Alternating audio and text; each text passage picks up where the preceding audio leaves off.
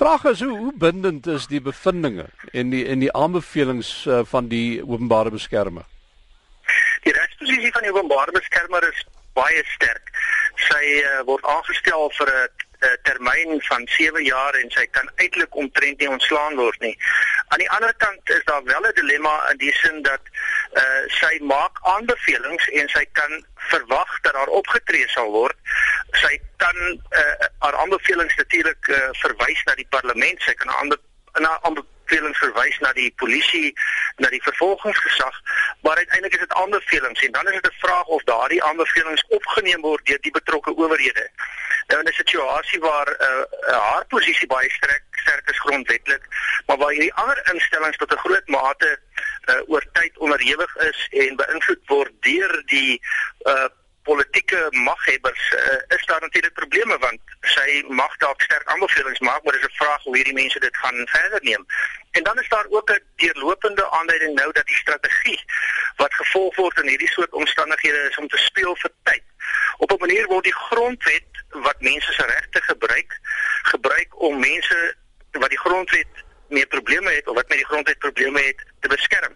So as ons gaan kyk na die patroon kan ons sien dat elke persoon wat deur die openbare beskermer as dit ware aangewys word as syne 'n probleem te hê, die gaan op 'n of ander manier dreig met hofsaake vra vir hersienings en op dié manier word die grondwet gebruik om die grondwet te ondermyn. Nou ons het nou twee ministers wat uh, die beskermer hof toe wil vat oor haar bevindinge. Uh, ons het nou vir Tina Jumar Petersen, ons het Lindiwe Sisulu. Ehm um, jy het nou verwys na die pogings, die manier waarop mense optree om uh, haar werk te vertraag, uitsprake te vertraag of te te staan. Is dit iets wat jou bekommer uh, as ons nie algemeen kyk na hierdie sogenaamde artikel 9 instellings wat ons het uh, artikel 9 van die grondwet uh, wat in 'n groot mate half erns weggesteek word deesdae en nou het ons die openbare beskermer selfde ding sy die die oomblik wat sy haar werk doen uh, word daar met groot gejuig nou hierso met jy weet teen haar opgetree en haar haar uh, is daar pogings om haar verdag te maak. Wat sê dit van die stand van die demokrasie in hierdie land?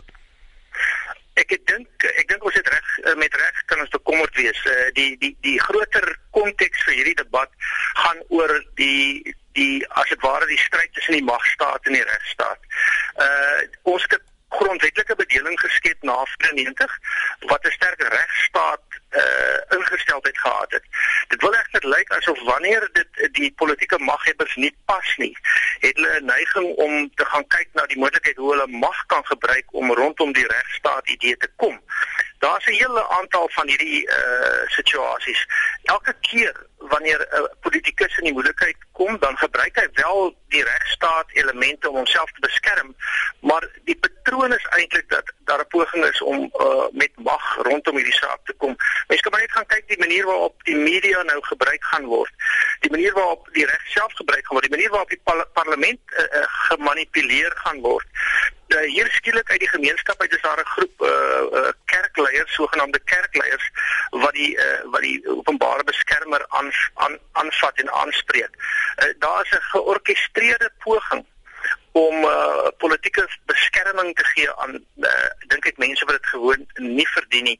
Ons het hierdie vorige uh, sogenaamde public protector uh, iemand gehad wat uh, wat spotsenderwys bekend gestaan het nie as die public protector nie maar die party protector. Hmm. En ek dink uh, daar is 'n element daarvan sodra die uh, hoofstuk 9 instellings buite beheer raak volgens die regering dan moet hulle teruggetrek word. Hulle moet teruggedwing word in die hoeke waar hulle beheerbaar is en waar hulle manipuleerbaar is. So ons kan met reg bekommerd wees ook hierdie uh, manier waarop ons het 30 sekondes maar uh, uh, hierdie ding dat daar nou gesê word maar dit is nou 'n politieke spel uh, net so kort voor die verkiesing ook haar bevindinge teen die OVK. Kyk, 'n mens moet aanvaar hier is politieke kommunikasie en uiteraard 'n groot klomp politieke propaganda. So al die slagordes gaan opgestel word. Die verslag van die openbare beskermer is tot 'n mate reeds bekend en het ernstige implikasies vir die verkiesing en en verkiesers. Maar daar gaan 'n groot kommunikasiestrategie gewees waar alle magsinstellings gebruik gaan word. Al die hefbome van mag gaan getrek word om te probeer om die gevolge hier te versag en te ontkom.